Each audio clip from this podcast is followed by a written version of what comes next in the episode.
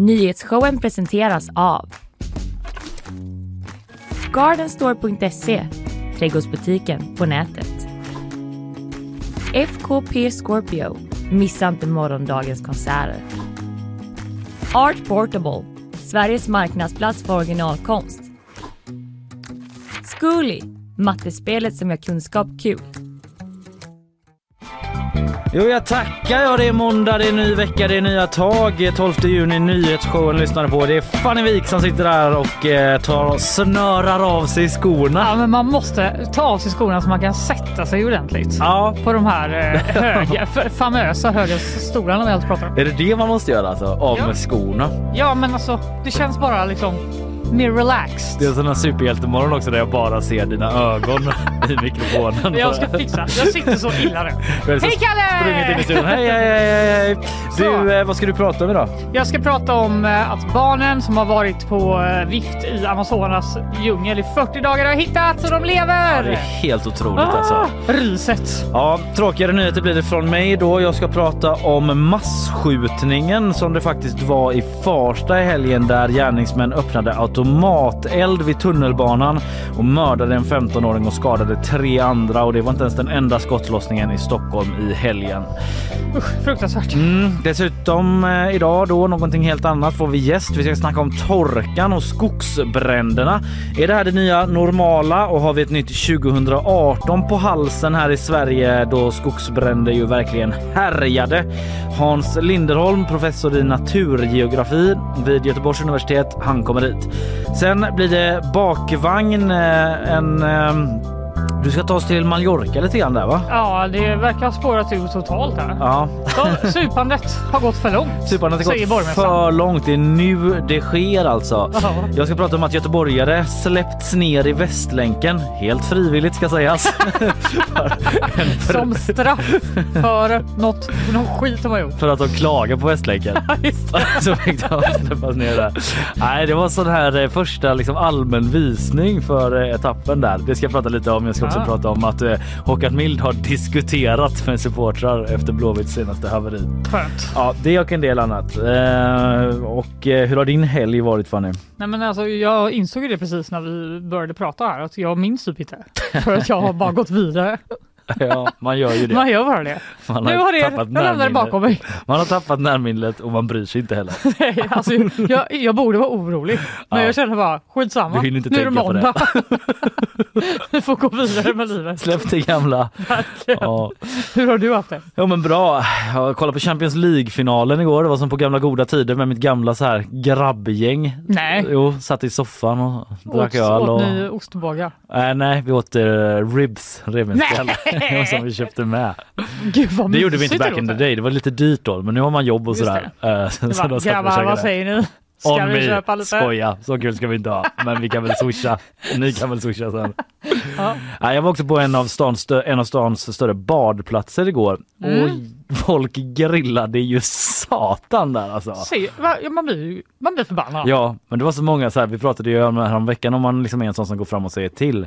Eh, det hade man kunnat göra men då hade jag liksom fått eh, ta ledigt idag. För det var så många Du som bara, grillade. jag liksom. kommer sänka ner er i Västlänken Ja. om ni inte släcker den här grillen nu. Det var liksom totalt, eh, det var lite, nå- lite lätt kaotiskt ute vid den badplatsen när man kommer till parkeringen så man blir så omkörd på parkeringen för att de ska först till en ruta. Så kommer man fram till någon och då står det någon på rutan du vet och vaktar till någon som inte är där. Man bara Va? fuck det här typ. Vad gör, men vadå? Vänder du då? Ja, jag, jag åkte upp i något villakvarter och parkerade och sen var vi där ett tag på en lekplats, inte ens vid vattnet. Vi bara åkte till en lekplats till stans mest liksom, upptagna, busiest badstrand. Bara, hmm. Det var hade kunnat, eh, ja, du kan ju hänga ut Askinsbadet. Ja det kan jag göra, det är faktiskt en plats. Det är helt okej. Man kan säkert ha det trevligt där, vi var, inte förberedda och har man inget problem med väldigt mycket folk sådär så, så är det Ni kunde haft en fine. promenad till Plikta. Ja lika gärna, vi kunde varit på gården. Men åkte vi till en rutschkana mitt på Sveriges mest liksom, överbefolkade badstrand.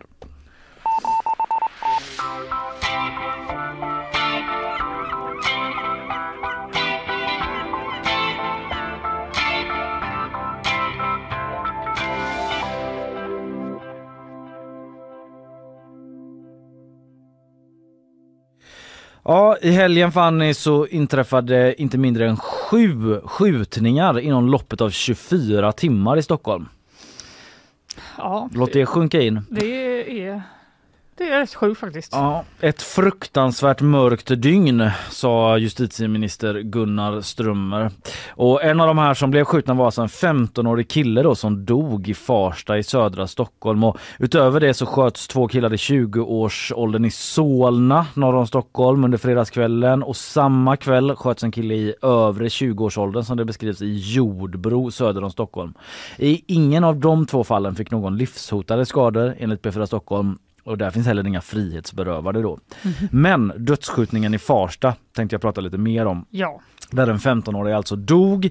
Skadades gjordes dessutom tre ytterligare personer. En annan 15-åring, en man i 45-årsåldern och en kvinna i 65-årsåldern. Som Sveriges Radio faktiskt pratas med. Hon blev skjuten i knät.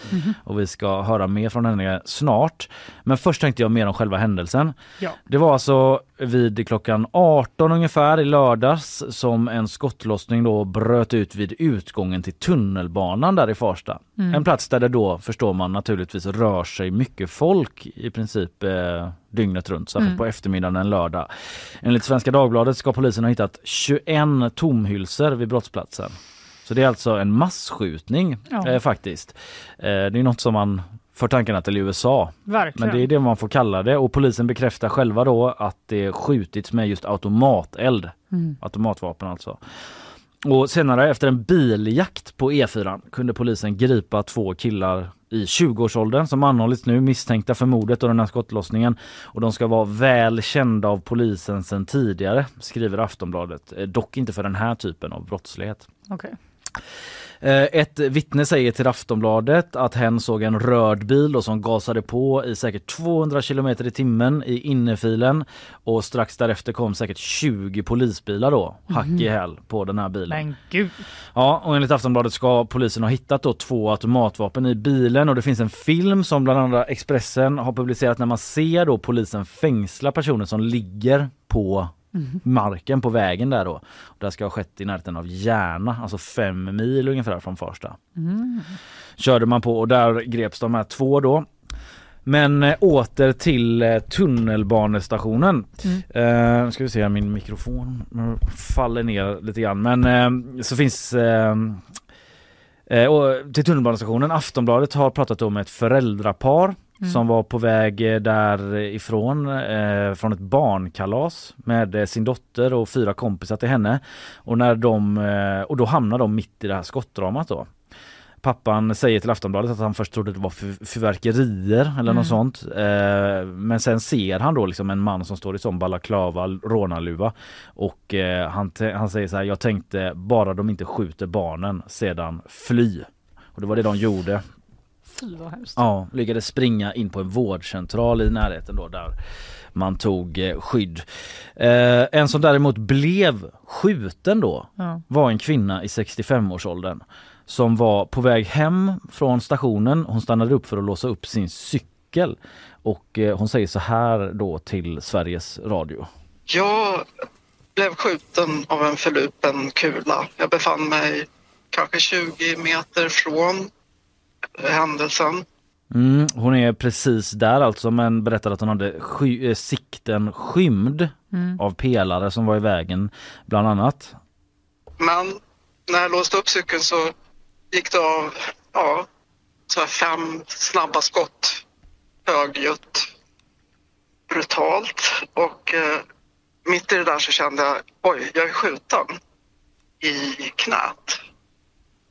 Och jag bara släpper cykel och allting och nästa tanke, jag kan inte vara här, jag måste flytta mig i säkerhet. Så att jag börjar springa och, och benet håller så att jag springer 20 meter runt knuten genom en passage och sätter jag skydd av en byggnad.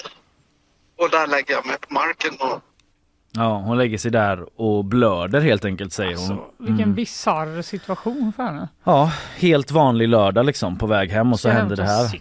Mm. Hon vet att hon är skjuten och hon berättar för folk, eller hon berättar att folk kommer fram då efter en stund och kollar hur det är med henne. Hon ropar till någon som sitter i en bil så här, ring polisen. Ja. Och polisen kommer ganska snabbt därefter och de börjar eh, ta hand om henne då. de drog en sån här uh, strypsnara runt låret för att stoppa blödningen och det var rena tortyren.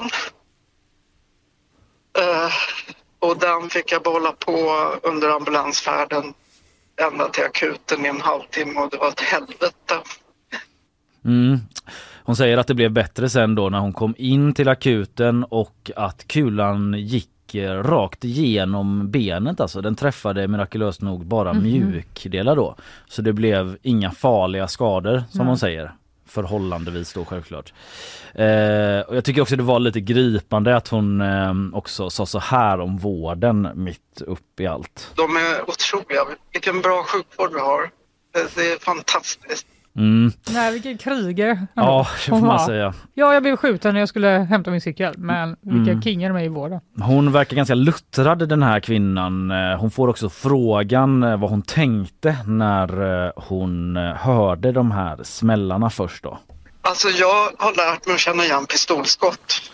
Jag bo- har bott i Farsta länge och jag vet hur det låter vid det här laget för det är inte första gången som jag hör det. Jag hörde det i skogen. Någon prövar sitt vapen i en liten skog där bredvid mig. Så att jag, jag vet precis ljudet. Så att jag visste att det var skottlossning och ja, jag kände det då, då när jag blev träffad. Mm. Okej, ja, En bedrövlig bild av Det- situationen.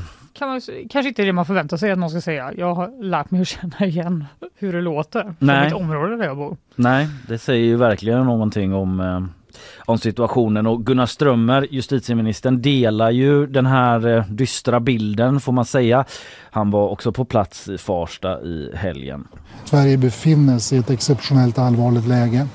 Eh, det sker nu en, en mobilisering eh, från rättsvårdande myndigheters sida, från, eh, från socialtjänst, från, från politikens sida. Alla som på olika sätt kan, eh, kan bidra till att bryta den här utvecklingen. Mm, ett exceptionellt allvarligt läge och en kraftsamling pågår sa han till P4 Stockholm. Och eh, han var med i Agenda igår också SVT då och kallade det här för inhemsk terrorism. Eh, ett ord som han, eller en term som han använder. Och angående polisens utredning då så vet man, eller i varje fall berättar man ännu inget om motivet bakom skjutningen. Eh, alla vet ju emellertid att det pågått en våldsvåg i Stockholm en längre tid och polismästaren Max Åkervall säger så här till P4 Stockholm. Jag skulle inte utesluta att det hänger ihop med våldsvågen. Men det är återigen för tidigt, det är knappt ett dygn sedan händelsen. Men vi tittar på det här, vi gör analyser och bedömningar och eh, vi kommer vända på alla stenar som behövs för att få den fullständiga bilden. Mm, det var igår eftermiddag han sa detta då och han fortsatte att säga så här om liksom läget generellt då i Stockholm. Vi har ett tiotal pågående konflikter i de här kriminella nätverksmiljöerna. Och det är också så att de här konflikterna har blivit mer utmanande på olika sätt och vis. Det är, man håller inte sams ens i de gamla etablerade nätverken. Det förekommer också att man lägger olika former av beställningar eller uppdrag där man sitter på andra geografiska platser i Sverige eller till och med utomlands och mer eller mindre beordrar vilken typ av brott som ska ske. Eh, det var också flera manifestationer då i Farsta under helgen och jag har hört flera röster från boende där som eh, känner att nu måste det vara nog. Det var en kvinna som berättade att hon själv hade en 15-åring som inte kände eh, det var liksom fyra personer som eh, alltså hennes son inte kände då liksom men ändå hade i sin närhet och som hade gått bort liksom. Ja, det är Eh, ja. helt obegripligt. under de senaste åren. Eh, och under natten till idag bara så blev ett eh, kedjehus som de säger i rapporteringen i Upplands Väsby norr om Stockholm beskjutet också. Det fanns inga personer i det huset och ingen ska ha skadats. Eller det fanns personer i det huset menar jag, men ingen ska ha skadats. Nej. Och det är oklart om det har något att göra med någon av de här andra skottlossningarna men ändå. Det verkar liksom inte ta slut för tillfället. Och bara i helgen då, sju skottlossningar i Stockholmsområdet. En 15-årig kille är död och flera andra är skadade.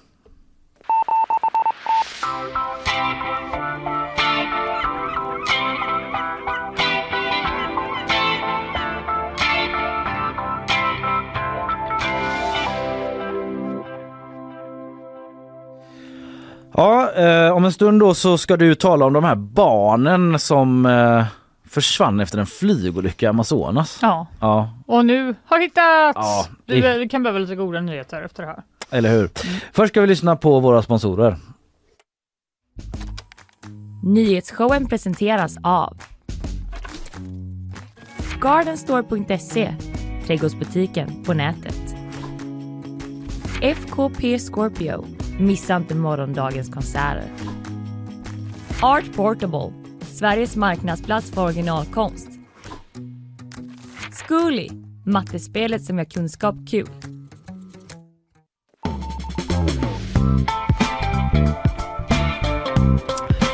Ja, nyhetsshowen är det du lyssnar på. Eh, Vi ska få ett nyhetssvep och det är Kristina Petersen som ger oss det. God morgon Kristina. God morgon, god morgon. Inkastad i hetluften här. vilken uppstart. Ja, eller hur? Eller hur? hur har, eh, har du eh, sett några som grillat i helgen och blivit irriterad på dem eller? Är det det ni har pratat om innan? Det Ja, missade li- jag. lite grann gjorde vi det i början. Eh, nej, men jag, Jag var vid. Askimsbadet Inte liksom, på sina, i, i, inte i sin grill så hemma, utan ute i naturen. inte Ah, så nej, grillsättning på ugnen. nej. Har ni varit framme liksom? Och... Nej, vi har ju inte det. Nej. Men eh, det var liksom grill, engångsgrillarna, så, inte engångsgrillarna men lite mer stabila grillar stod som spön i backen ute vid Mm. badet där jag var. Så Mm. kom det en brandbil också precis när vi lämnade, sa jag det ens? Nej. Nej, att det kom en Va? med blåljus precis när vi skulle gå upp och hämta bilen. Så bara... Mm. Men sen läste jag inget mer om det så det kanske inte, det kanske inte var så farligt. Men eh, en liten bild av i alla fall hur det var i helgen. Mm. Anekdotisk eh, bevisföring från mig. Nu blir det inga anekdoter. Nu blir det hårda nyheter. Vi kör. Vi slår om i ton och lämnar över. Varsågod Kristina. Ukraina hävdar att man haft framgångar i sin motoffensiv. Det var i lördags som president Zelensky bekräftade att den omdiskuterade motoffensiven har inletts och nu säger man sig ha återtagit två mindre orter i Donetskregionen. Rapporterna från Ryssland låter annorlunda och enligt president Vladimir Putin är motoffensiven redan på väg att misslyckas. Den senaste veckan har polisen i Halland och Västra Götaland åkt ut på ett 30-tal larm om våld i nära relationer. Och det här är samtidigt inget ovanligt, säger Caroline Karlsson, presstalesperson hos polisen. Ett av ärendena i veckan handlar om en gravid kvinna i Fyrbodal som fördes till sjukhus med allvarliga skador efter att hon fått ta emot sparkar mot magen. Två män har anhållits i sin frånvaro misstänkta för grov misshandel. Och tio personer har omkommit efter en bussolycka utanför Sydney sent på söndagskvällen lokal tid. Den man som körde bussen har gripits. Bussen var på väg till ett bröllop med ett 40-tal passagerare när den voltade i en rondell. Tack för det Kristina. Eh, vi ska vidare här och prata om eh, de här barnen som alltså hittats nu i regnskogen i Colombia. Dessutom lite om Marabou. Liseberg fortsätter och eh, ja, fatta olika beslut angående Marabou. Beslut har fattats.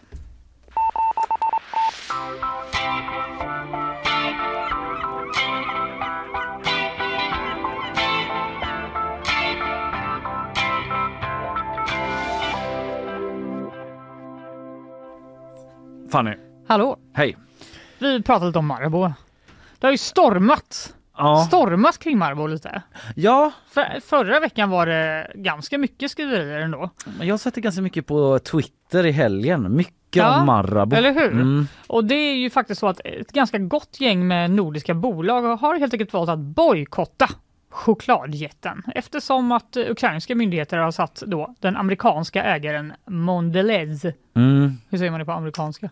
Ma-. Mondelez. Mondelez. Mondelez. Mondelez. Ja, de har satt dem på sin svarta lista för företag som stödjer Ryssland för att Mondelez då har både fabriker och försäljning i Ryssland och ska enligt ukrainska myndigheter ha betalat över en halv miljard kronor i skatt till ryska staten i fjol. Mm. Det Rakt ner i Putins krigskassa då. eventuellt. Exakt. Och du minns ju absolut Vodka-gate. Ja, självklart gör jag det. Ja, det var ju lite liknande fast det det var ju att deras moderbolag då valde att typ efter ett år eller någonting av krig bara så här. Vi ska nog återuppta exporten till Ryssland nu. Ja, Det gör väl inget. och de blev bojkottade från öl och vi, Ja, det var spritmässor bojkott. och det var... Från, ja, det var lite överallt alltså. Ja. Och, eh, folk Inte en droppe ringde. drack jag den dagen. Av avslutning.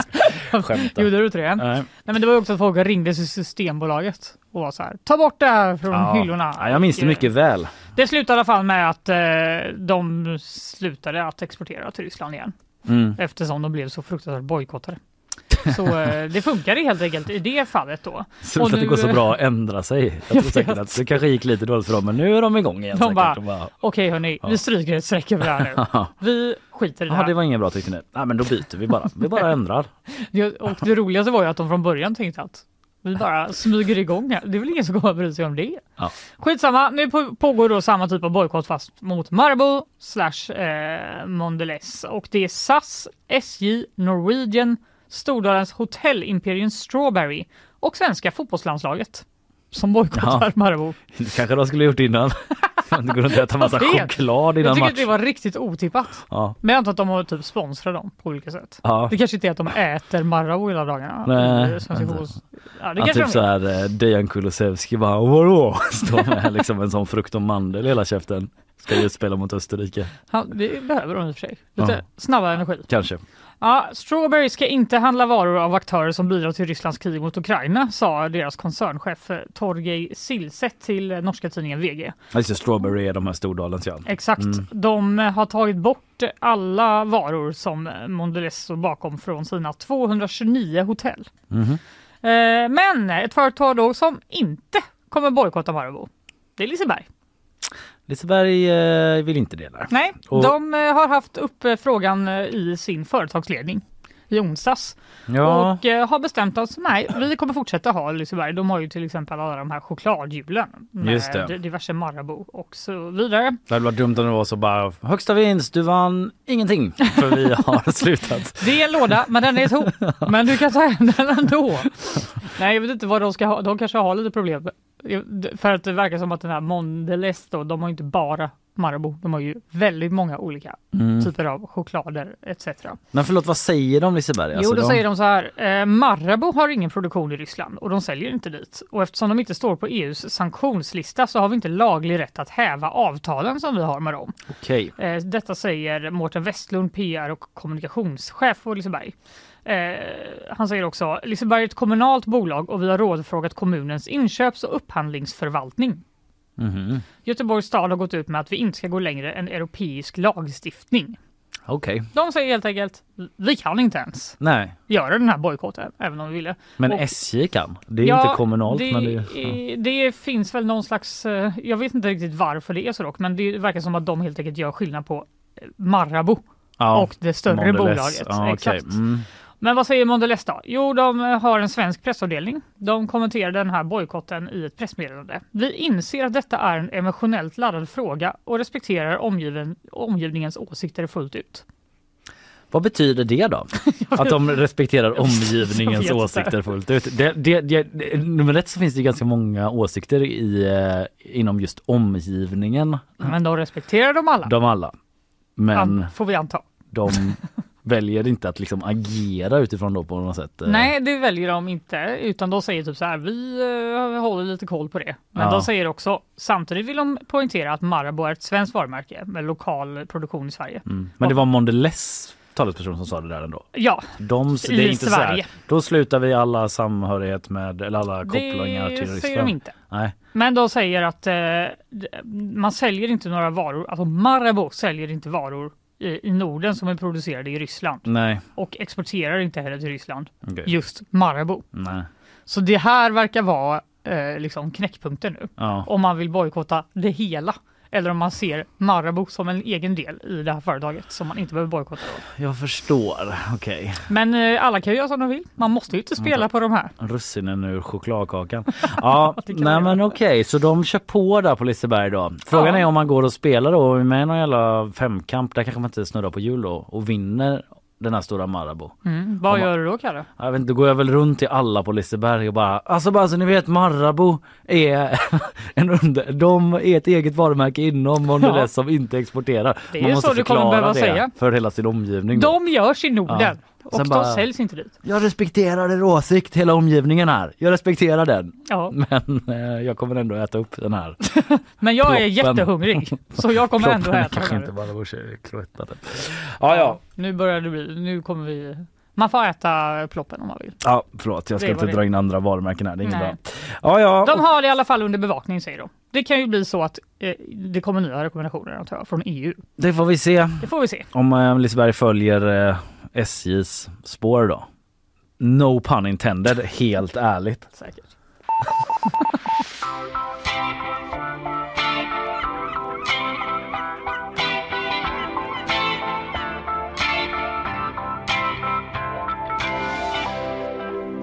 ska vi åka till Amazonas djungel. Jajamän. Eh, för att det kom ju den här nyheten i helgen. Jag fick sånt rys över armarna. När jag Ja, du liksom basunerar ut i våran Ja, jobbchatt. jag bara måste dela det här med mina kollegor. Ja. För jag blev så glad. Ja, det var ju helt rätt. Helt Ja. riktigt agerat. Eller hur? För jag och Linnea har ju pratat om det här innan. De här fyra barnen då som har varit försvunna i Amazonas djungel sedan det här flygplanet som de eh, reste runt med störtade mitt ute i djungeln den första maj. Där låter det som att det är ridå på en gång egentligen. Eller hur? Det- Störta i djungeln med ett flygplan. Det borde det ju nästan varit. Det Mm. äldsta barnet var alltså 13 år och det yngsta fyllde ett år under tiden nu som barnen var i djungeln. Ett år. Så det var en liten, liten bebis, eller det är en liten bebis.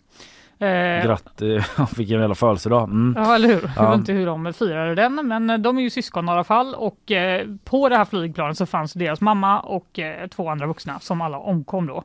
Ja. Eh, och eh, barnen gav sig iväg från vraket ut i djungeln. Ledda av en 13-åring alltså. Ledda av en 13-åring. Och nu har de hittats! Vi ska höra Ivan Garcia här, SRs korrespondent som är i Colombia. Han berättade här då i helgen, så han kommer säga igår. Mm. Det var i helgen. 2600 kilometer gick sökpatrullerna under de fem sex veckorna som sökandet pågick och till slut igår klockan 17 lokal tid så fann man barnen gömda i buskarna under regnet. Magra, förvirrade men vid liv och då anropade en av soldaterna via sin radio mirakel, mirakel, mirakel. Och det är faktiskt lite av ett mirakel. Helt otroligt. Ja, det måste man ändå säga. Det är alltså hundratals militärer och eh, li- nästan lika många frivilliga som har sökt efter de här barnen då sedan den här olyckan. Ändå tog det räddningsstyrkorna två veckor att ens hitta flygplansvraket efter att flygplanet eh, störtade. Ja. Eh, och de, de här barnen, de hade bara gått fem kilometer från olycksplatsen. ja. Eh, och enligt eh, då, räddningsledaren så hade medlemmar från det här jättestora sökinsatsen passerat bara tiotal meter från dem flera gånger under letandet utan att hitta dem. Men det är alltså mitt i regnskogen, det är så tät vegetation om jag känner regnskogen rätt. Jag ska ge dig lite förutsättningarna här då. Mm. Eh, det är så tät liksom vegetation att solens strålar inte går igenom löven så det är Ja. helt mörkt. Det är en tät vegetation if I ever Eller hur? seen one. Det regnar också minst 16 timmar om dagen. Okej. regnet då har suddat ut alla spår så det gör ju svårt att eh, se och Ja. också höra någonting. Ja, För man hör ingenting för att det regnar så mycket. det dånar av regn ja. Ja, det finns också jaguarer, pumor, farliga ormar och beväpnade grupper som smugglar droger och terroriserar ursprungsbefolkningen. så det här är liksom settingen de har liksom överlevt i. Och kanske slanger överallt som en norrman sa till mig när jag skulle gå i regnskogen en gång i Slanger? Ja, slanger överallt. Ormar? Han sa så. Han sa så, det kanske är slang för Det här var ormar. den dummaste parodin på en norrman. Ja, men han sa så. Slanger överallt. Sidospår. Det fanns det absolut och trots i alla fall detta så har de alltså klarat sig i 6-7 veckor. Hur är det möjligt? Vi ska höra en släkting till barnen som pratar också i Sveriges Radio. De mår bra, lite magra bara, sa en anhörig som kunde träffa barnen på sjukhuset under lördagen. De klarade sig på farinha, berättade mannen. Farinha är en vanlig gröda i Amazonas som kan liknas vid havregryn. De har ätit havregryn. Okej, som växer där i det vilda då eller? Äh, det, ja, det verkar växa i det vilja, vil, vilja, vilda och också enligt eh, tidningen El Colombiano så ska de också fått med sig en säck med kassavamjöl. Alltså de har bokstavligt talat ätit mjöl som de hade då i flyget. Men vad är det här för rådiga barn? Jo, det, de tillhör ju då en ursprungsbefolkning. Okej, som eh, le, lever i Colombia och de lär sig liksom från barndom att eh, fiska, klara sig i djungeln, liksom leva utomhus. Så de hade ju liksom basic skills att Ja, överleva. okej, det förklarar ju början. en del. Det är inte som att du och jag har Nej, nere, nerstoppade där. Är det här Farinja? Nej, du är redan död. Det är giftgroda typ. Ta slangen, Kalle! Nej, då, det är klart att det, det är uppenbart därför de har klarat sig så bra. De har också ätit frukt och de har ju också hittat då några sådana här nödpaket som militären har liksom bombat ner i skogen med flygplan. Aha. Med typ eh, vatten och lite mat. Herregud, Ja. Eh, och från början då så, så har det sagts att det här har varit fyra bröder som har varit bo- borta. Men Mm. nu visar det sig att den äldsta av syskonen är en tjej. Ja, okej. Det är hon som har då lyckats ta hand om sina syskon och fått dem att överleva. Det är tack vare henne som de tre an, ja, andra lever idag. Hennes omsorg, kunskaper om regnskogen, säger försvarsministern i Colombia, Ivan eh, Velasquez, på en presskonferens. Det är lite konstigt att inte det, det har liksom nått ut att det var en tjej. No. Eftersom hennes pappa till exempel lever och var med under Ja, ja, det får falla på journalister. Ja, det får det verkligen göra. Eh, och enligt eh, de här barnens farbror Fidencio Valencia så ska barnen till exempel ha gömt sig inne i ihåliga trädstammar för att skydda sig mot då farliga djur, typ ormar. Eh, så de har ju liksom verkligen lärt sig sådana Mm. skills. Ja. Och eh, han säger också att den här stora flickan är mycket intelligent, aktiv och stark. Mm. Eh, men vad händer med barnen nu då? Ja. De har helt enkelt blivit räddade från djungeln och eh, flyttade på. Vi ska höra Ivan Garcia igen. De har flugits hit eh, till huvudstaden Bogotá för att gå igenom en grundlig läkarundersökning. Eh, enligt de första rapporterna så är de undernärda. De har spår i huden av olika bett från insekter, men de verkar inte vara allvarligt sjuka. Eh, jag läste också att de hade liksom bett om mat och att det var så här. Det får ni inte äta. Ni måste bara få vatten. Okej. det kroppen måste liksom Ja, sakta Man komma inte- tillbaka till... Nej, det har man hört om. Ja. Måste Så, vilket anpassa sig De långsamt. bara, ge mig Ja. Marabon. Du Nej, vill du ha en farinja typ? du får äta mjöl fortsatt. Ja.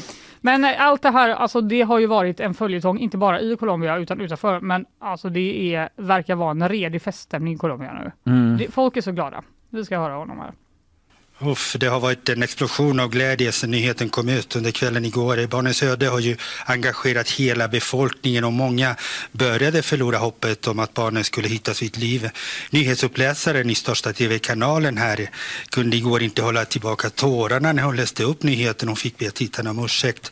Och säkert var det så många colombianer upplevde den här nyheten som innebär att en tragisk historia slutar relativt lyckligt.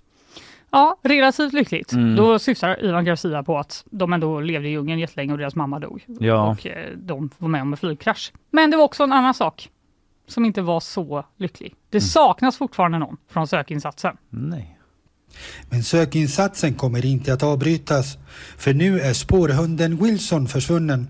Det är en belgisk vallhund som var central i sökandet efter barnen.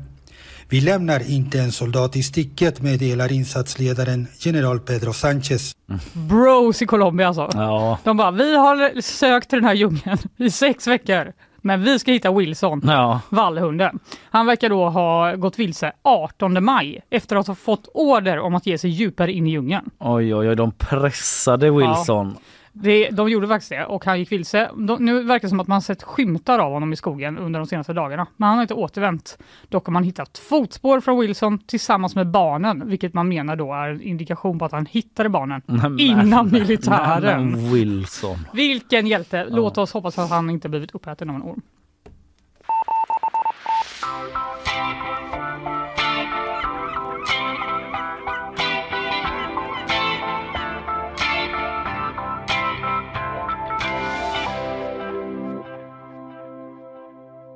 Hörni, hörni, hörni, det är bara två dagar kvar tills vi alla ses på Nefertiti. Nej, alltså jag blir lite nervös nu när du sa så. Ja, det är ju quiz alltså och våran stora sommaravslutning. Ja. Vi firar ett år i sändning. Vi firar att eh, det är sommar. Vi ska sända lite till efter det ska jag säga. Alltså, Det är inte sista sändningsdagen.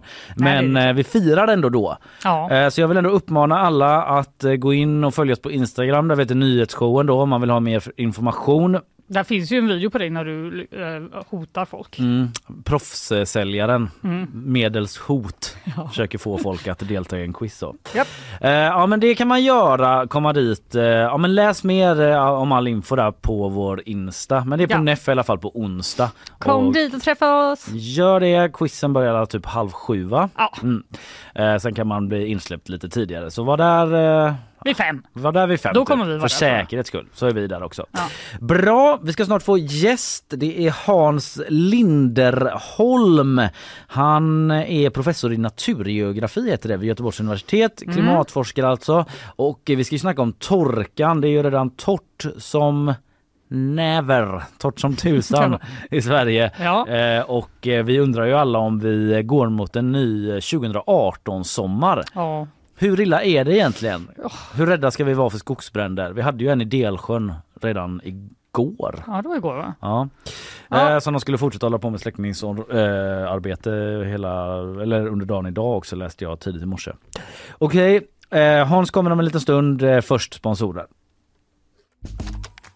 Nyhetsshowen presenteras av Gardenstore.se, trädgårdsbutiken på nätet. FKP Scorpio, missa inte morgondagens konserter. Art Portable, Sveriges marknadsplats för originalkonst. Zcooly, mattespelet som gör kunskap kul. Torkan, the heat, the heat I tell you. Ja. Den är här och den verkar här för att stanna. Inget regn i sikte i prognosen vad det verkar. Vad innebär det här för oss i Sverige, oss i Västsverige, oss i världen på planeten jorden? Hans Linderholm, professor i naturgeografi, kommer hit från Göteborgs universitet och vi ska snacka torka. Häng kvar! Nyhetsshowen måndag 12 juni. Fanny Wijk, Kalleberg i studion och nu har vi fått besök. Sommaren har ju knappt hunnit börja nästan men eh, redan är det torrt som fnöske i Sverige. Här i Göteborg regnade det endast 14 millimeter i maj och hittills i juni har det inte kommit en droppe. Det är inte bara i Sverige det är på det här sättet utan på många håll i Europa och i resten av världen blir det, har det varit ännu värre med låga vattenreserver och skogsbränder. Så hur illa ser det ut nu inför resten av sommaren? Blir det en ny 2018 våg av skogsbränder och är det här det nya normala som vi lever i nu? Vi ska prata om de här sakerna med eh, dagens gäst, professor i naturgeografi vid Göteborgs universitet. Välkommen hit Hans Linderholm. Tackar, tackar. Eh, har du liksom likt jag då i helgen sett folk som grillar på olika platser och känt vad gör ni? Jo men lite så är det ju och det är inte bara grillning man ser, man ser att det är torrt och brunt och, och eh, ja det är så påtagligt att det är, är onormalt torrt i skog och mark nu. Ja, eh, det var ju en skogsbrand i Delsjöområdet igår. Såg du om den eller? Nej nu var jag borta i helgen så jag missade väl det som hände just här. Men när du hör om det, vad, Ja. vad får du för tankar då? Ja det är ju som, som du sa i, i, i, för, för ett tag sedan här att eh, eh, det börjar liksom kännas lite 2018 över hela. Mm. Mm. Eh, så att eh, man, man blir lite orolig.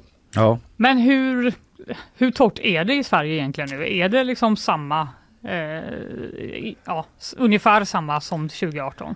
Ja, eh, jag funderar lite grann på det där och det är ju så att det är nog ganska, börjar bli sådana förhållanden som det var 2018. Det var ju extremt torrt i maj då till exempel. Mm. Så det, vi har kanske inte riktigt haft så torrt men å andra sidan så, så verkar det ånga på ganska bra. Eh, det är ju inte hela landet som det är så torrt i men tittar vi här på, på södra Sverige så är det ju grundvattennivåer som är under normala Mm. eh, och eh, det är svårt att se något någon större nederbördsmängd i sikte. Mm. Mm. Just med vattennivåerna, alltså är det, det är låga nivåer säger du, liksom hur illa är det? Mm, Ja. Ja, nu är det väl kanske inte superilla eftersom det ändå kom en del nederbörd under vintern som fyllde på de här grundvattenmagasinen, så det är ju bra. Ja, ja, det är Eh, det vi lever på fortfarande så att Ja, säga. precis. Ja. Och det är ju ofta så det är att det, det kommer mycket i, samband med nederbörd och snö under vintern och sen så fylls det på och sen så tas det under sommaren. Mm. Och sen har vi sig ofta lite en hel del nederbörd under sommaren med åskväder. Minusgrader och sånt där. Mm. Men eh, så tittar man på grundvattennivåerna så i norra Sverige så är de ju över det normala. Över normala? Ja, Mm. eh, för där har det liksom inte riktigt hunnit bli sådär varmt och torrt än. Eh, medan här i söder så är det under de normala. Och sen beror det också på vad man tittar på, vilken, vilken nivå i marken man tittar på, vad det är för sorts grundvattenmagasin. Men har man en brunn som man tar sitt dricksvatten från själv då, så kan man ju vara lite orolig för att det, sjunker och, och så. Mm. För prognosen säger ju att så långt vi kan se nu i alla fall på SMHI så ska det ju inte regna utan det ska fortsatt vara varmt och soligt de kommande tio dagarna i alla fall. Ja. Eh, När behöver det liksom komma regn för att det ska bli som 2018 igen? Ja, alltså det, man vill ju ha regn så fort som möjligt och det är inte bara lite regn utan det behöver komma en hel, hel del för att det ska kunna fyllas på. För att som det är nu när det är så varmt så avdunstar det så snabbt. Mm. Eh, Så, så vattnet hinner liksom inte tränga djupare ner i marken. Så det behöver komma den här riktiga, vi behöver en massa lågtryck som kommer och Mm. dumpar in. Nu, nu såg jag faktiskt på DMIs eh, prognos att nästa vecka, enligt dem ska det komma en riktig rot. Det kan vara åskväder som kanske Mhm. passerar. Vad är DMI? Eh, Danska meteorologiska institutet. Mm. Asså, är de bättre än vad vi är? Ja, och, alltså, när, om, om jag är ute och seglar, Ja. då kollar jag hellre på DMIs eh, prognoser för sjövädret faktiskt. Är det för så? det, den är bra. Förlåt SMHI. Nej det är okej, jag blir så nyfiken på vilken som är din app of choice. Ja, eller hur? eh, Nej, men det är där, det YR? Är det, det... Ah, yr, Yr SMHI är den stora fighten känns det som. bland- Ja, bland du folk. slängde in en ny spelare. Ja, Ja. Nej, men jag, jag måste säga att jag, jag tappade lite förtroende för YR för de, de, eh, deras prognosdator, de, änd, de ändrade någonting i alla fall så att det blev lite sämre. Så att det, de som Mhm. jag tittar på lite så här, eh, lite överdrivet mycket kanske kan man säga. Det är DMI, det är SMHIs app och sen klart. Mm. Eh, och sen så är det ju så att de är bra på olika saker. Ja. Så om jag tittar på en sak så tittar jag på en app och så vidare. Så jag tittar alltid på alla tre. Och sen får man liksom Det- Så gör vi med nyheter.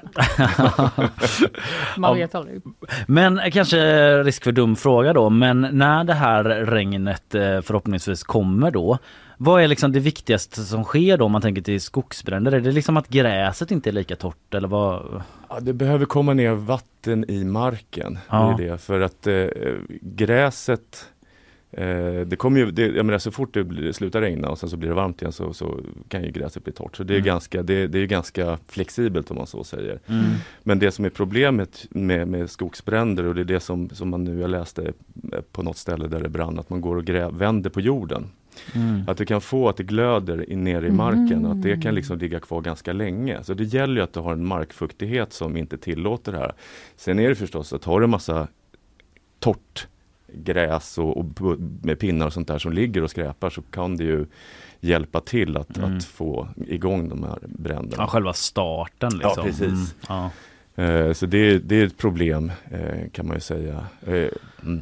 Men det, vad är, om man då kommer till det, liksom, vad är det som gör att det inte regnar då? Är det, hur starka kopplingar drar du till den globala uppvärmningen och sådär? Det är väl det alla funderar på tänker jag. Ja, jo men alltså en, en, en del av uppvärmningen är ju att det är mycket varmare. Mm. Eh, att vi har varmare temperaturer vilket gör att det blir förstås varmare dagar. Och, och det, det här innebär att medeltemperaturen liksom, den, den glider hela tiden lite uppåt. Mm. Vilket gör att vi har ju kalla dagar och vi har varma dagar men medeltemperaturen är mycket högre än vad den var eh, för ett antal tio år sedan. Mm. Eh, och då ökar ju risken för att vi får de här riktigt varma dagarna. Inte jätteofta men ganska ofta då. Mm. Eh, så det är ett problem att vi får de här extremhändelserna med temperaturen. Sen är det också så att när man, när man värmer upp hela luften på det här sättet så påverkar det också luftcirkulationen. Eh, så hela luft, alltså väder det drivs ju av vindar och de drivs ju av temperaturkontraster mellan eh, polartrakterna och de tropiska områdena runt ekvatorn. Mm. Väldigt grovt kan man säga. Mm. Eh, och eh, när den här temperaturkontrasten minskar, för det är ju så att Arktis värms ju upp mycket snabbare än resten av världen. Det går ju supersnabbt här eftersom det smälter havsis och, Mm. och glaciärer smälter och så vidare. Det gör det att den här temperaturkontrasten blir mindre och då blir de här vindarna svagare. För ju starkare Mhm. kontrast mellan Mm. varmt och kallt desto stark, snabbare vindar då, och starkare. Ja, ja, ja. Och de här vindarna som, som vi pratar om, som vi tittar på ganska mycket, det är jetströmmarna. Mm. som går så band och de styr liksom hur de här eh, lågtrycken, vilka banor de tar. Och har du en stor temperaturkontrast, då är de här jetströmmarna ganska snabba och då har vi då lågtryck som kommer passera ganska snabbt på, på ungefär Mm. eh, banor som man då kan räkna ut. Vad vi ser nu det är att, att de här jetströmmarna, de börjar, dels börjar de röra sig mycket långsammare, men så börjar de också röra sig i stora vågor. Så istället för att vara ett snabbt band som bara passerar här, så, och det gör att du kan få en vädertyp som stannar över ett område under en längre tid. Eh, så man kan, vi brukar prata om blockeringar, att du har ett högtryck som bara lägger sig. Ja, alla över. väder varar längre. Ja men precis, det lägger sig där och blockerar de här lågtrycken så de får ta banor norr och söder om det här högtrycket. Ah, och det var ja. det som hände 2018, vi hade ett högtryck som bara låg över Europa och södra Sverige då. Klaustrofobiskt nästan, Ja men, när du lite, beskriver lite, det. ja, men lite så. Och, och, så. Så allt regn som kommer då, för det kommer ju, klart att det kommer regnväder, de styrs ju undan. Mm. Och ju varmare det är, alltså ju torrare det är, desto längre kan det här pågå också. Så det är också någonting som gör att man blir lite orolig för att det är så torrt. Att Mm. en torr mark gör att det blir varmare, att den här högtrycken då kan stanna längre. Så det, det är någonting att titta på. Bara, Ja, Ja. ja men det är de här stora långtgående effekterna vi ser av eh, en Precis. sakta stigande uppvärmning då. ja Mm. precis. men eh, vad, du var inne på det lite innan då, men vad är det som händer då om vi inte får något regn?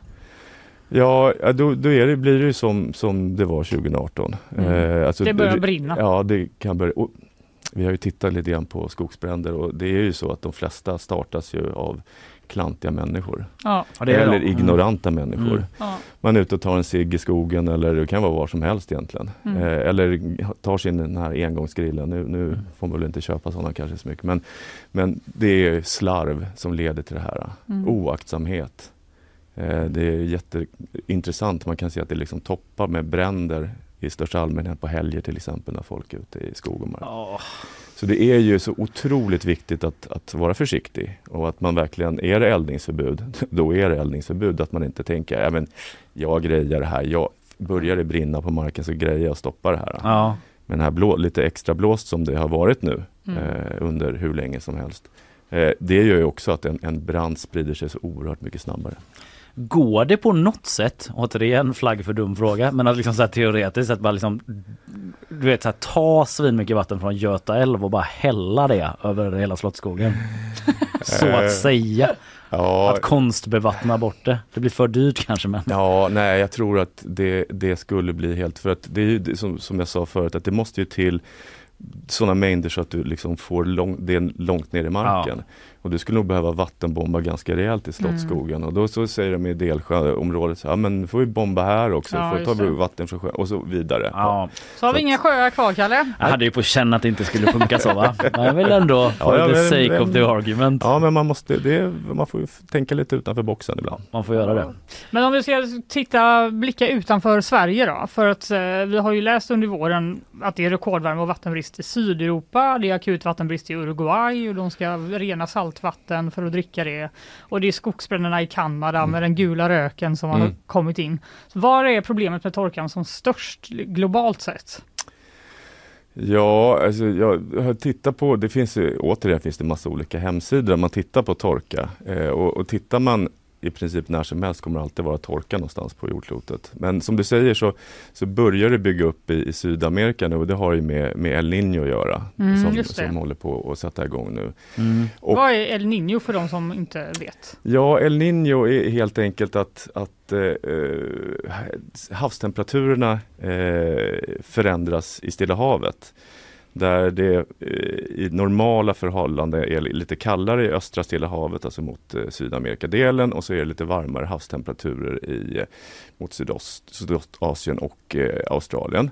Eh, och, och det här innebär då att när du har lite högre, varmare havstemperaturer så har du ofta lite mer nederbörd, det är liksom fuktigt och varmt. Och har du kallare havstemperaturer så får, kan du få de här högtrycken, så det är torrt och lite eh, mildare. Eh, och så har du de här passadvindarna som då eh, blåser österifrån. Ja, och det, så.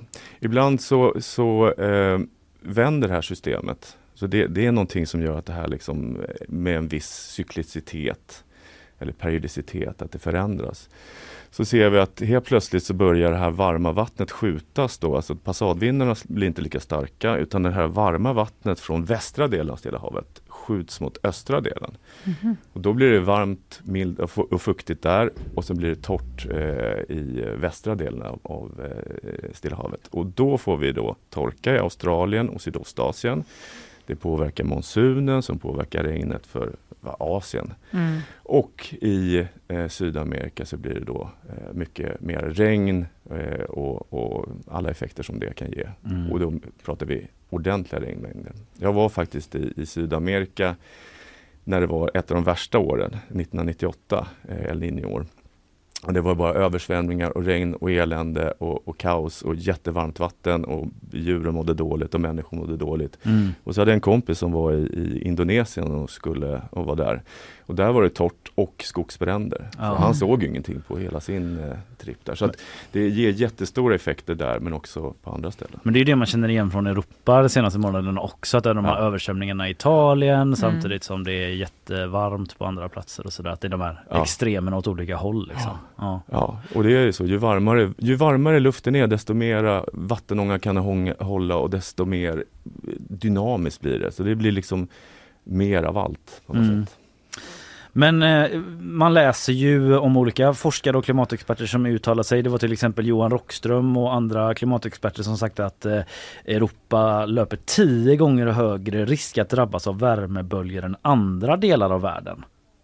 Känner du igen det eller vad beror det Ja, på? Liksom? alltså, jag, jag, jag har funderat lite grann på det uttalandet eh, och, och det är klart att det kanske är så att, eh, han sa också, det var att det har blivit mer extremer i, i Europa än tidigare, så att det är en högre frekvens. Och, och mycket beror ju på att, att det som jag pratade om, de här högtrycken då som, som stannar kvar, att det verkar så att vi har fått in mycket mer eh, varm luft från, från Afrika eh, som gör eh, att, att de här högtrycken kommer in och att vi får de här värmeextremerna i Europa.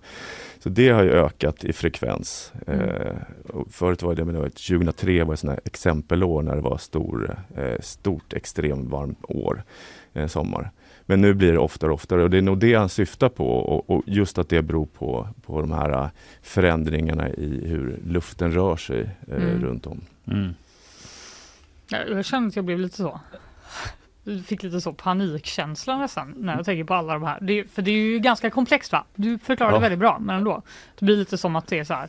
Det regnar lite där men där är det för torrt och allting sammantaget gör att det blir Mm. eh, liksom problem. Värmebölja i Fanny Viks kropp. Ja verkligen. Av stress.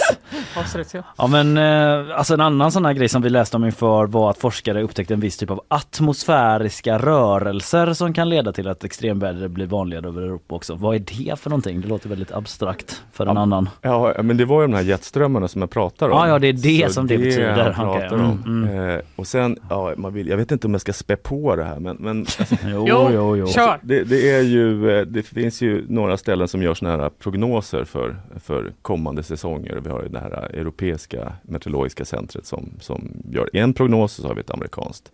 Och tittar man på de prognoserna så ser det ut som det kommer att bli varmt i sommar men också att vi kommer att få det torrt här i, åtminstone i södra delen av Sverige. Och en del av det här beror på att, att vi har ett, ett väderfenomen som kallas NAO, North Atlantic Oscillation. Eh, som Mhm. egentligen vi- vi- visar på hur starka vindarna är eh, mellan Island ungefär och Azorerna, så det tar man som ett mått. Mm. Eh, och det, det är relaterat till den här jetströmmen, men det är liksom det, det, det kan man se så här, ja men hur är det med, hur mår NO, vad, vad säger NO? Ja, och då ser vi att nu verkar det som att NO på sommaren kommer att vara så att vi har ett stort högtryck som ligger över brittiska öarna och södra Skandinavien. Vilket då innebär att det blir torrt och att det kommer att bli varmt. Mm. Så återigen, det, det, ser, det ser inte, och det ser inte ut som, som på de här långtidsprognoserna som att det kommer att komma jättemycket regn förrän kanske bort i augusti. Mm. Det är som man bara går och väntar vet. Ja, På att det ska braka loss fullständigt i skog och mark. ja och, och jag, jag hoppas att folk tänker på det Mm. faktiskt. Eh, Jag vet att förra gången, alltså 2018, Så jag menar, i början var det många som sa, Åh, gud vad skönt det är med lite varm sommar, det här är ju superhärligt. Mm. Men sen när det började brinna, när det började brinna i närheten där man bodde, då blev ju folk oroliga. Så jag tror på något sätt att man förstår att det är allvar. Mm. Och jag hoppas att folk förstår att det är allvar innan Mm. det sätter Mm. igång så att säga. Men jag upplever ändå eh, väldigt anekdotiskt här, men att det, jag vet inte ifall det är för att jag har blivit äldre och så även mitt umgänge och mina vänner så här, men att folk redan nu tidigt är ganska så bara hur ska det här gå? Så man kanske Mm. ändå har det lite i bakhuvudet. Kan det man är ju hoppas. då. mycket brasklappen typ. Jag gillar ju när det är varmt men Ja. nu hade man gärna velat att det regnade lite. Mm. Ja. Men Vi eh, hoppas vi har lärt oss något från 2018 helt enkelt. Ja verkligen, annars undrar man vad man ska lära sig av om man inte lärde sig något då. då.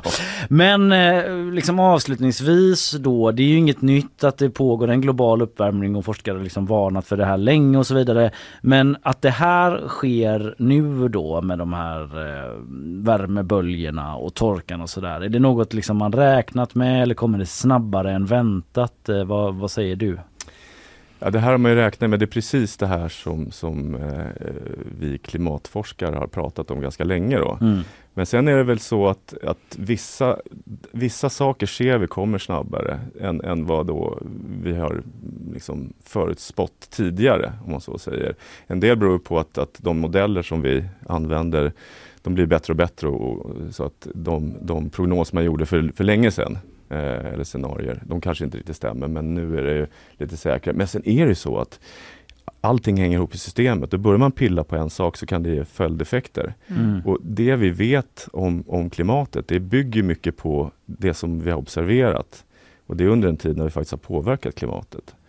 Så det är också en av anledningarna till att jag försöker att titta tillbaka så långt tillbaks i tiden innan människan påverkar klimatet och se hur funkar det om det får vara i fred. Mm.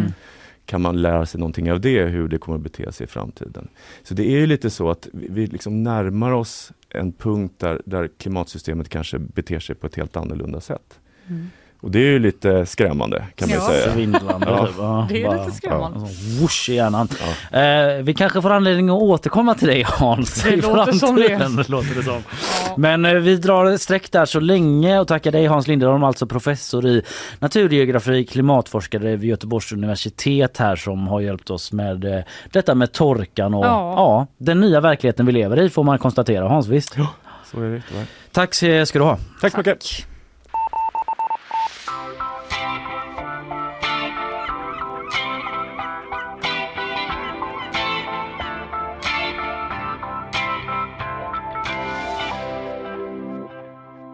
Eh, vi ska eh, lyssna på våra sponsorer innan vi är tillbaka med nyhetssvep och eh, fler nyheter från senaste dygnet. Häng kvar! Nyhetsshowen presenteras av Gardenstore.se, trädgårdsbutiken på nätet. FKP Scorpio, missa inte morgondagens konserter. Art Portable, Sveriges marknadsplats för originalkonst. Zcooly, mattespelet som gör kunskap kul.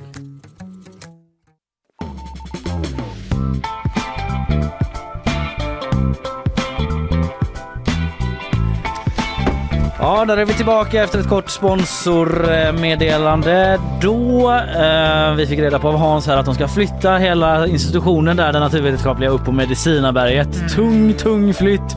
Fast de har väl bil i och för sig. Upp för berget, slår det mig. Det, det får vi ändå hoppas. Ändå mycket lådor och sånt var det. Ja, det var det. Ja, eh, nu så blir det mycket nyheter, ett nyhetssvep. Eh, Kristina är tillbaka. Jag är det. Eh, Du ska eh, få dra det för oss eh, och jag säger eh, därmed varsågod. Ukraina hävdar att man haft framgångar i sin motoffensiv.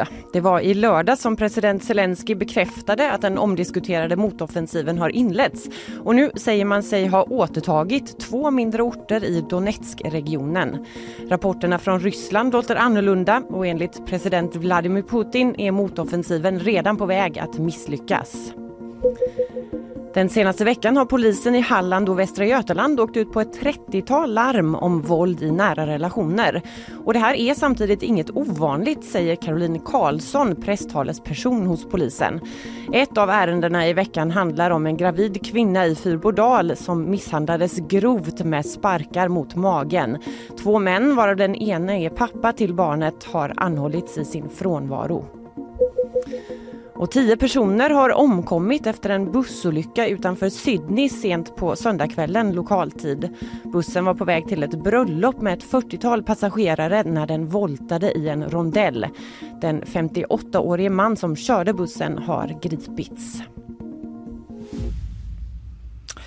Tack Kristina. Eh, motoffensiven, den omtalade, Mm. igång alltså. Det lär vi återkomma till i Ja, veckan. va? gp.se är adressen och eh, GPs app är appen om man vill eh, följa nyheter från det. Ja, Men vad är det Fanny? Så jag är det väl? bara det var roligt att du... Gå in på GP bara. Ja, gå in Gör det bara. GP, Ja.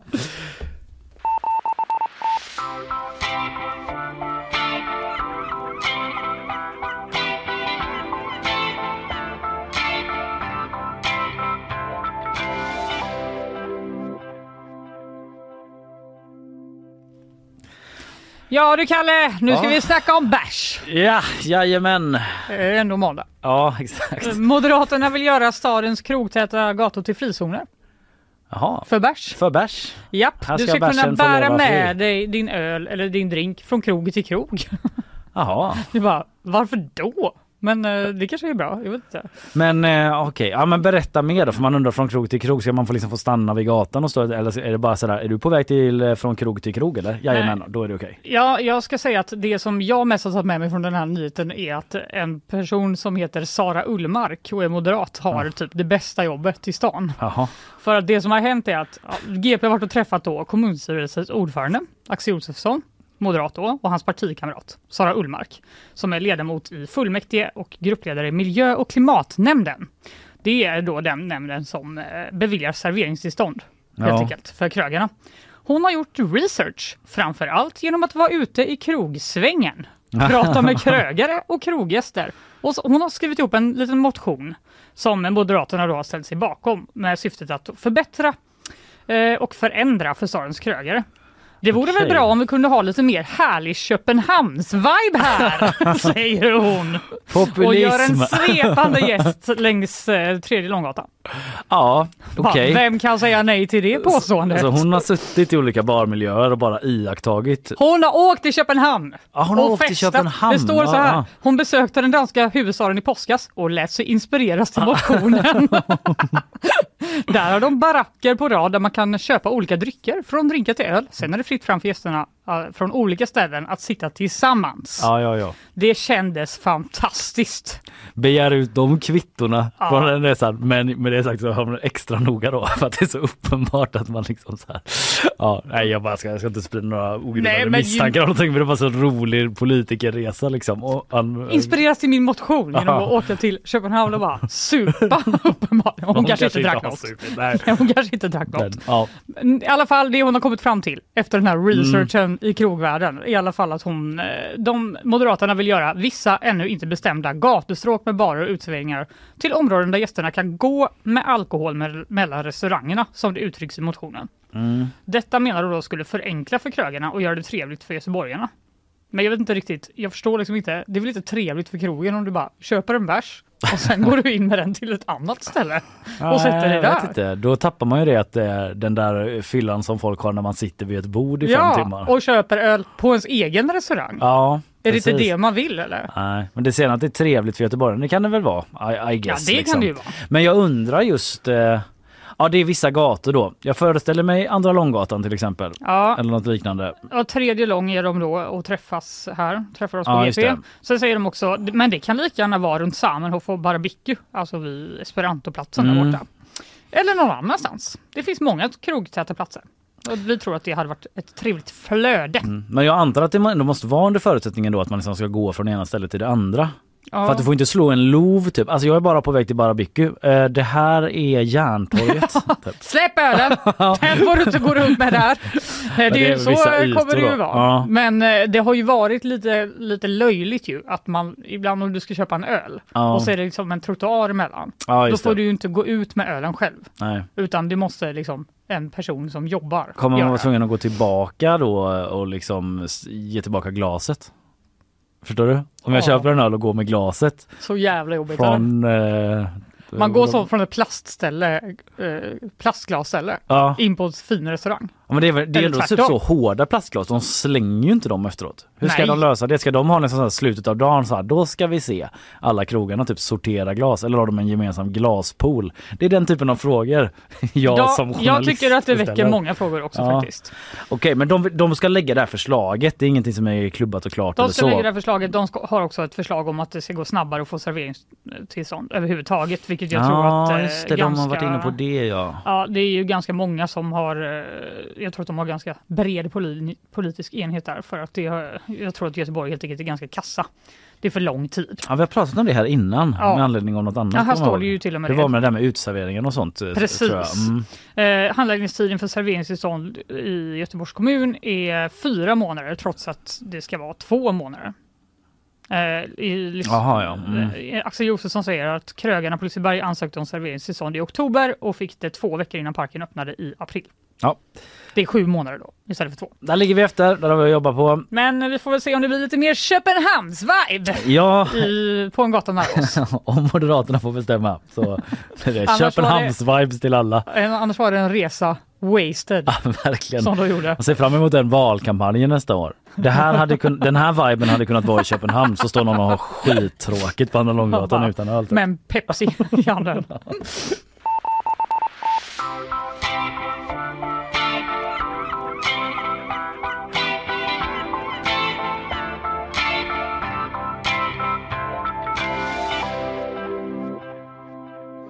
Ja, Jonas får ju rätta oss Attenius själva. är ju kommunstyrelsens ordförande självklart. Ja, det är han ju verkligen. Det gick lite snabbt där, inte Axel Josefsson. Men han är eh, Moderaternas, Moderaternas, eh, eh, main man typ. Ledare tänkte jag säga. Jag bara, det är jättesjälvmedveten.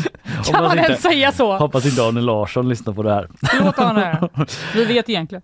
Ja, eh, jag ska vidare. Jag eh, tänkte eh, faktiskt eh, lite snabbt bara prata om en grej som eh, vi hade lite roligt åt i morse. Eh, det var en bild från eh, Gamla Ullevi nämligen. Där rubriken lyder Håkan Mild i diskussion med supportrar efter match. Och på den här bilden så är det liksom en man i bar överkropp med vener synandes eh, pulserar han kan du ser inte göra i läskig en stillbild. Ja, läskig. Alltså, det, ja. han, han, Jag, jag tycker det. Han ser ut som att han känner väldigt starkt Mm. för någonting ja, det, och han vill gärna berätta det. jo, det ser han ut som. Han lutar sig fram och är väl kanske någon eh, en 30 centimetare från Håkan Milds ansikte Ja. och eh, eh, är lite- diskuterar då med honom. Ja, han är lite ovanför honom. Det kanske är därför han står liksom på läktaren känns, och lutar sig eh, ner mot Håkan Mild som själv har ett väldigt lugnt ansiktsuttryck ändå. Vi måste lägga upp den här bilden sen på Instagram Ja. för det är svårt att förklara. Så står bildtexten eh, klubbdirektör Håkan Mild pratade med supportrar efter matchen. Well, Eh, ja, det handlar i alla fall om att IFK Göteborg ju eh, spelade mot Sirius borta igår då från Uppsala och förlorade med 2-0. Eh, jag såg inte den här matchen, vi ska inte gå in på matchen eh, men eh, du, du vet de har ju så här höjdpunkter så klippt ihop typ. Allt som hände i matchen, typ alla målchanser och så. Göteborg hade inte en målchans. Det var tre minuter långt klipp. Sirius hade alla chanser. Så det går jäkligt tungt för Blåvitt nu. Trots att det här var första matchen. De anställer ju en ny tränare, det pratar vi om här, den här dansken som kom in. det. Eh, som var liksom lite ifrågasatt av fansen redan från start så här, men alla är så här, "Ah, men det kanske blir bra, vi får göra en chansen här nu. Så började det lite sådär då, men han har ju knappt eh, gjort ett par Det dagar. kan inte vara hans fel. Nej, han har varit på jobbet i typ två dagar så Jag säger ju som min analys som jag hade med Robert Laul. ja. De är väl bara förvirrade nu när de har bytt chef. Det är ju svinjobbigt att byta chef. ja. De vet väl inte vilket håll de ska springa åt. Nej, visst. Han kanske säger Fair spring åt enough. andra hållet. Ja. Och de bara, vilket håll sa du nu igen? Han bara säger Och de bara, om du tar det hållet så tar jag det hållet. På plan Då så. kanske man inte fattar vad han säger för han är dans. Kan vara så. Många teorier har lanserats i det här programmet. Ja, det var i alla fall så enligt eh, Discovery då som sände matcherna att eh, folk på läktaren ropade ta av er tröjorna, ni förtjänar inte märket. Folk är förbannade alltså. Oj, oj. Och då gick eh, klubbdirektören Håkan Mild då fram för att prata med supportrarna. Det hade han kunnat skita i, men han ställde sig där och lyssnade på dem. De är besvikna naturligtvis, jättebesvikna. Det är vi med. Det var inte, det var inte konstigheter, säger Ja. Och lite Det var inte konstigheter med den meningen. Ja, Men det han är väl också lite uppe i varv kan man tänka sig efter att ha blivit fångad av eh, vår reporter här då eh, som eh, pratar om detta. Eller kanske var efter för sig. Det vet jag inte. I alla fall, eh, eh, vad vill du säga till supportrarna? frågar vår reporter.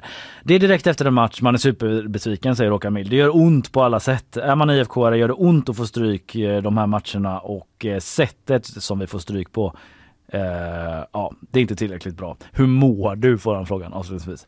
Jag mår skit. Nej! Jag lever med IFK 24 timmar om dygnet. När eh, inte vi spelar bättre eller vinner matcher, då mår man dåligt. Men man kan inte må så dåligt att man gräver ner sig och tycker synd om sig själv. Så det är nya tag för IFK Göteborg när det är uppehåll i Allsvenskan. Ah. De är tillbaka om en månad ungefär. Eh, Då ska vi se om de kan skapa en målchans att vinna. Jag ska inte roasta dem för mycket, men alla vet, det ser inget bra ut. Eh, Det här är bara fakta. Kris, det är bara fakta. Får se hur de eh, tar sig an krisen bara.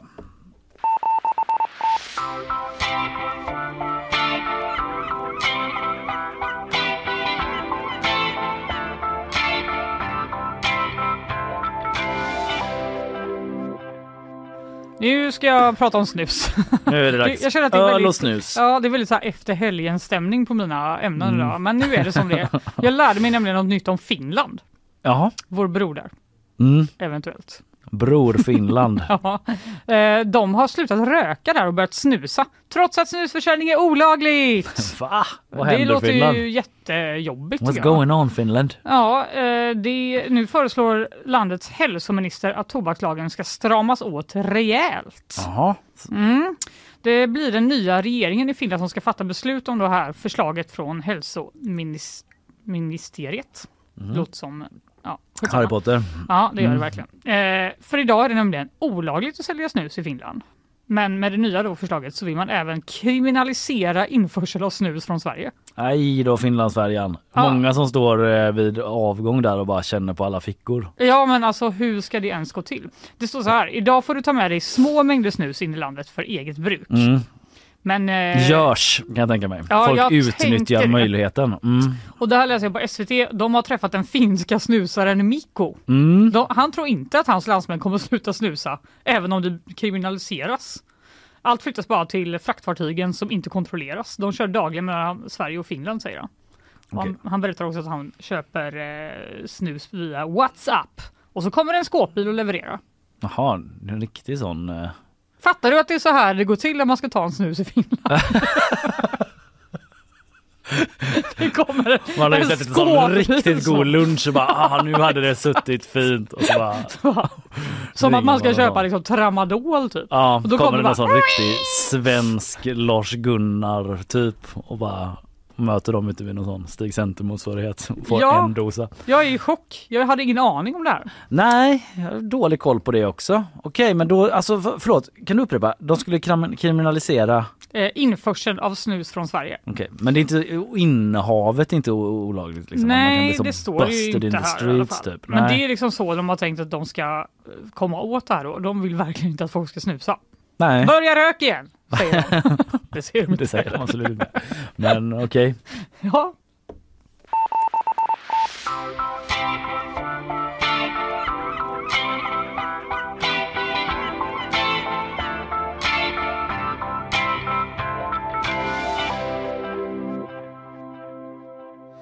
Jag tänkte att vi ska tillsammans med 700 an- 720 andra personer eh, ta oss eh, lite ner då i Västlänkens station vid Centralen. Gud vad spännande. Ja, i söndags eh, hade NCC, byggföretaget alltså, och Trafikverket öppet hus för allmänheten Mhm. på den här stora deletappen av Västlänken vid Centralen. Finns bilder på gp.se. En, eh, ett barn i sån hard hat, hjälm heter det väl på svenska. Låter inte lika coolt. Och så västar och så massa föräldrar som står där nere och storökt eh, ser på den här etappen då kan man Ja, eh, jag. beskåda. Wow. Ja, det är lite premiär för det. Det var fullbokat jättesnabbt. Eh, 720 personer som sagt gick ner i tunneldjupen. Hur säljer man liksom in det till sina barn? Det var det du borde gjort med din familj igår. Alltså nu är ju ditt barn så litet men du om du inte visste om det så finns det en hel del barn med ett eh, nästan osunt eh, intresse för fordon. Ja, det är, min dotter älskar bilar. Ja hon gör det. Hon säger Mm. bil, dit. Nej, men jag, Kanske 10 000 gånger om dagen. Alltså spårvagnar, lastbilar, allt sånt här liksom. Och Men att- det är väl inga fordon där nere Kalle? Nej men jag menar här ska de köra liksom. Den typen av infrastruktur är eh, någonting som är strange. relevant för barn. Eh, och och eh, ja, de har fått eh, gå ner där då den här gruppen eh, som ska, eh, där bygget, deletappen ska vara färdig då 2026. Eh, men det har ju varit en del eh, etapp, försening på etapperna då som vi har pratat om här massa gånger. Men projektdirektören från NCC Johan Nyström, han liksom på ett sätt så går han ut med och liksom går i god för att 2026 ska det vara klart. Han säger så här, jag har lovat mina barn att vi ska öppna stationen i rätt tid 2026. Nej, varför har du gjort det? Ja. Alternativ rubrik. Här ljuger NCC-toppen för sina barn. Nej, vi får väl hoppas att det blir klart men det känns ju som eh, mer, mer regel än undantag att det blir förseningar. Men är det här att han säger så här, jag svär på mina barn nej, att det kommer bli nej, klart? nej, nej, det är det faktiskt inte. Det är Eh, bara så här, mina barn kommer bli besvikna Ja, han, han har... om jag inte lyckas med det. Ja men precis, han har ändå lovat dem att det ska vara klart. Jag vet inte om de har liksom pappa, pappa när är det När ska vi klart? åka på När är det klart?" semester? Det blir 2026. Ja visst det, när jag har jobbat färdigt med det här vansinnesprojektet som vi dragit igång. Eh, på så sätt att det är jävligt mycket att Det göra i alla fall. major. Ja, nej, men det var egentligen mer en liten ögonblicksbild där. Eh, En 17 meter bred tunnel från eh, Skansen Lejon-hållet som mynnar ut i en station som är 55 meter bred från sida till sida i höjd med Nils Eriksson-terminalen. Cirka 20 meter ner i marken. Dubbelspår som mynnar ut i en fyrspårig station. Det är alltså det man har varit nere ja, och ehm, fått titta på då. Totalt 350 000 kubikmeter betong om det kan intressera dig har man eh, använt eh, där nere. Eh, Ja. Eh, det är som att trycka ner en jättestor atlantångare i vatten. Eh, säger han apropå vad då? Förlåt, nu hoppar jag lite i texten känner jag. vad är det? Vad är det Kalle? Gissa, hör av er på nyhetsshowen. vad är det som är som att trycka ner en jättestor atlantångare i vatten? Eh, Är det ens bra eller? Jag förstår inte. Vad är liksom ens... eh, Ja, men så här. Det var många frågor från allmänheten eh, när NCC och Trafikverket eh, höll det här. Flera hade att göra med det faktumet att hela tunneln, tunneln och stationsutrymmet flyter i Göteborgsleran. För att hela bygget inte ska flytta upp ur leran har man lagt massa extra betong, så kallad ballastbetong. Så det är väl det då att man liksom försöker trycka ner någonting Mm. väldigt stort i någonting väldigt eh, lerigt helt enkelt. också ett jobb att ha. Men absolut. Ja, Ja. Den typen av frågor kunde man få svar på om man var nere under 20 meter under jord för att titta till då den här nya stationen som invägs 2024. Ta det som ett löfte för det har eh, projektledaren lovat sina barn.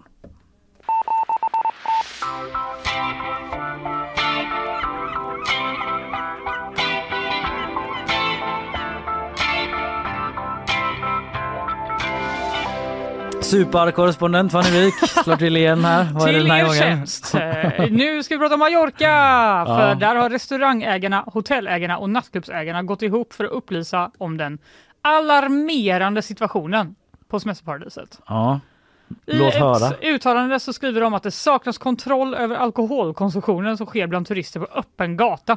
Det, har de varit där Moderaterna? På researchresa?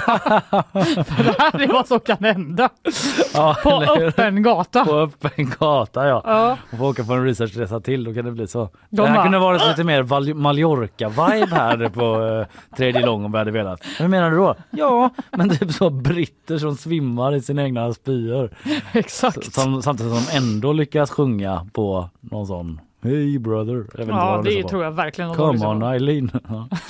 Ja, men vad är det som pågår alltså? Vad är det som Nej, men pågår? de säger så här, det har gått så pass långt att det är en fara för, det, för områdets framtid. Det är omöjligt att vi måste stå ut med människor som inte följer reglerna under tiderna 23.00 till 04.00 sju månader om året, Ja. skriver de. De uttrycker också en uppgivenhet för att myndigheterna inte verkar vilja ta tag i problemen och bara låter det fortgå. De vill ha en, mer poliser. ja. Och typ att turister som, som bryter mot problemen, jag vet inte vad det är för problem, men man kan ju gissa. Turister som bryter mot problemen. Ja, det står i vår text här på g.se. Men eh, att de ska få böter. Jag antar att de, om de typ står och liksom, ja, kanske kissar lite eller skriker jättemycket i en utanför trappan. Ja, sånt kan man få böter för. Ja, då kan det komma en polis och vara så här, hallå, Ja, det pågår en sån diskussion i Sverige också ibland då liksom med folk som typ bor i stan som stör sig på buller och så. Och du vet ju att många är typ så äh, Bor man i stan så får man köpa det liksom. Mm. Men här kan man ju känna att man kanske inte måste köpa att någon typ står och typ så skiter framför porten och skriker. Sju månader om året! Sju månader om året. Det finns en krögare här också då som vittnar om en förändrad demografi bland turisterna. I juni brukade det vara mycket par och familjer med barn. I år är det fotbollsklubbar och unga människor som vill festa. Det låter, Det låter så. Fruktansvärt jobbigt. Ja. Jag har varit på Mallorca för ganska länge sedan då. Då var jag ett par eh, utan barn. Alltså det var Ja. jag och Filippa som var där. Men eh, ah, vi var väl på lite lugna ställen. Jag upplevde inte riktigt det där eh, riktiga köret. Men då var vi ju heller inte i typ Magaluf och de här ställena. Nej. Där jag antar att det är det mest bedrövliga pågår. Nej, jag har faktiskt inte heller varit i eh, något sånt. Nej. För det Jag finns ju de här orterna, bergen, ja, i bergen, det var där vi var också. Det var väldigt Bland vackert. liksom äldre människor, jättefint och liksom så här jävla massa folk dock. Ja, det, Eh, men det var inte det här kopiösa supandet på det sättet. Nej, jag känner bara bete er om ni ska dit ungdomar.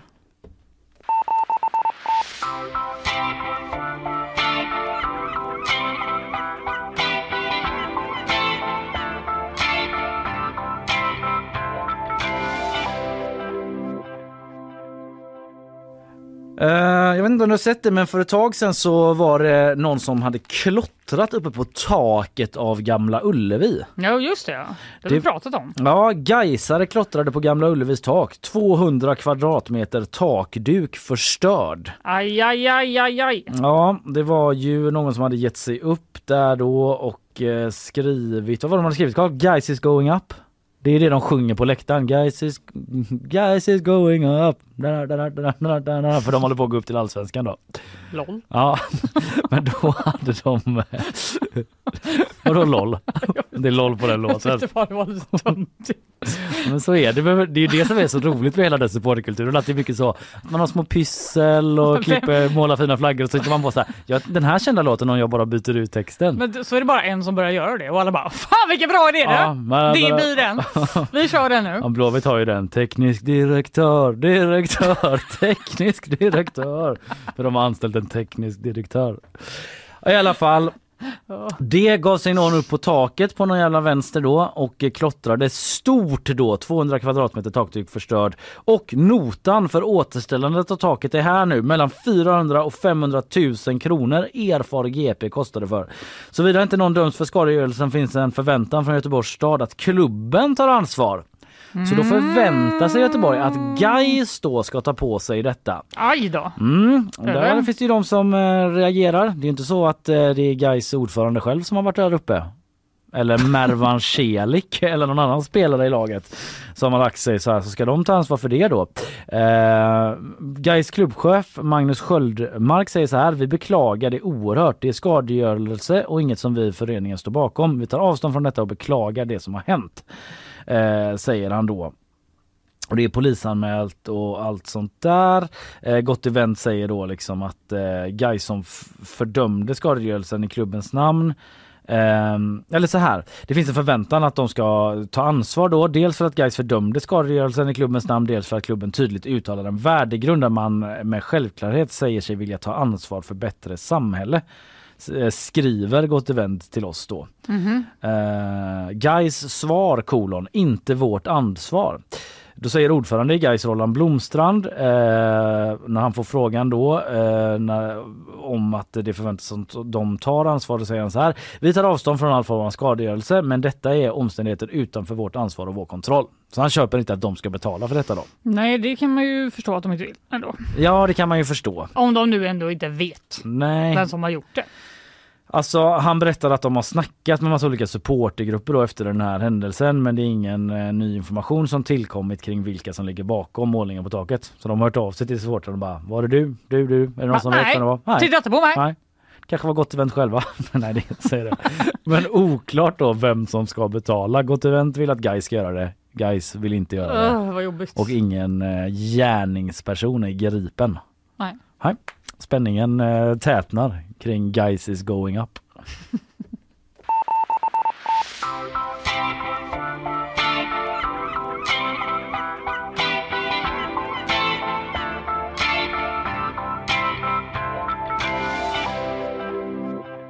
Alltså jag tänkte göra lite reklam för en sak. Eh, oh, absolut. Är du nervös nu? Ja, lite. Är det Marabou? Vet du hur gott det är med choklad? Nej, eh, det är ju att vi har gjort massa musikpoddar. Musikdokumentärer. ah, just det. Det är känner jag och. Isabella bland annat som har gjort det och ett annat, eh, lite fler från GP. Mm. Och den första kommer idag. Det är nämligen så att vi har gjort ett avsnitt per akt som eh, spelar på Ullevi i sommar.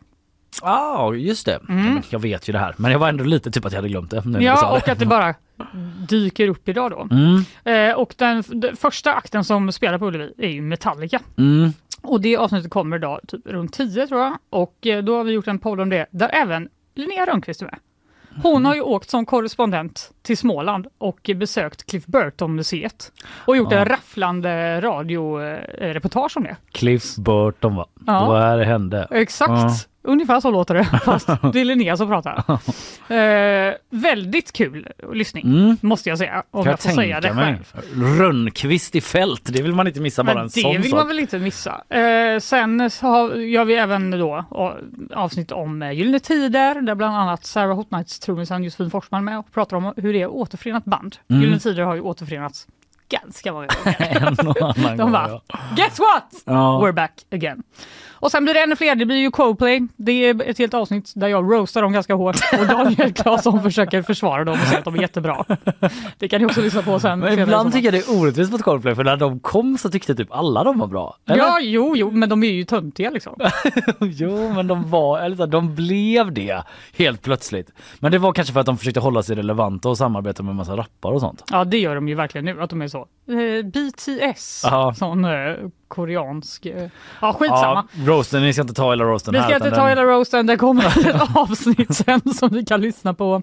Såklart också Bruce Springsteen och Ja. Lalle. Det kommer finnas i, under sommaren helt enkelt. Ja men fan vad grymt. Lite- Den eh, håller utkik då i poddspelarna. Den kommer alltså idag då eh, första delen vid 10-tiden Ja. runt där. Grymt! Eh, Jag känner att eh, det är väl på sin plats att vi eh, börjar runda av där. Läs tips på gp.se om forntida labyrinten som håller på att bli bortglömd och vanskött och du kan också hitta vanligaste klagomålen på bostaden som göteborgarna har. Nej, Spoiler, ett i glassbilen. men det är, inte det, nej, det är inte det vanligaste, men det var med som ett av exemplen. Man kan läsa om det mer på g.se. Ja. Eh, Men med det säger vi tack för idag. Påminner om att i övermorgon så är det dags för sommaravslutning och quiz Yay! på NEF. Eh, Vi fortsätter sända dock hela vägen fram till midsommar, men då eh, bjuder vi in publiken. Redan eh, visst eh, tryck på eventet på Facebook Ja, får man absolut säga. Gå in på Instagram, där heter vi Nyhetsshowen om ni vill ha mer info om det. Idag har vi snackat om skjutningen i Farsta i Stockholm och de andra skjutningarna. Sju på ett mindre än ett dygn i helgen. En 15-årig kille dog efter att två gärningsmän öppnat eh, automateld vid tunnelbanan i Farsta alltså. Och du pratade om jag pratade om bojkotten av Marabou. Många företag bojkottar dem, inte Liseberg. Just det. De eh, väntar Ja. på ett besked. Ja, de Och, hade en djupgående förklaring till det. som Det du hade de. om. Mm. Eh, och eh, jag pratar också om de fyra barnen som hittades efter 40 dagar i Amazonasdjungeln. Otroligt. Vi hade också Hans Linderholm här, klimatforskare från Göteborgs universitet som snackade om torkan och om den här tiden vi lever i. Det nya, ja det är väl det vi får konstatera att vi lever i. Eh, en värld där extremvädren eh, blir allt mer eh, ihållande och eh, frekventa. Eh, vi är tillbaka imorgon igen. Eh, Då är det du och Rönnqvist. Det är det. Inte i fält. Nu är hon hemma igen. eh, bra, ha det gött! Hej då!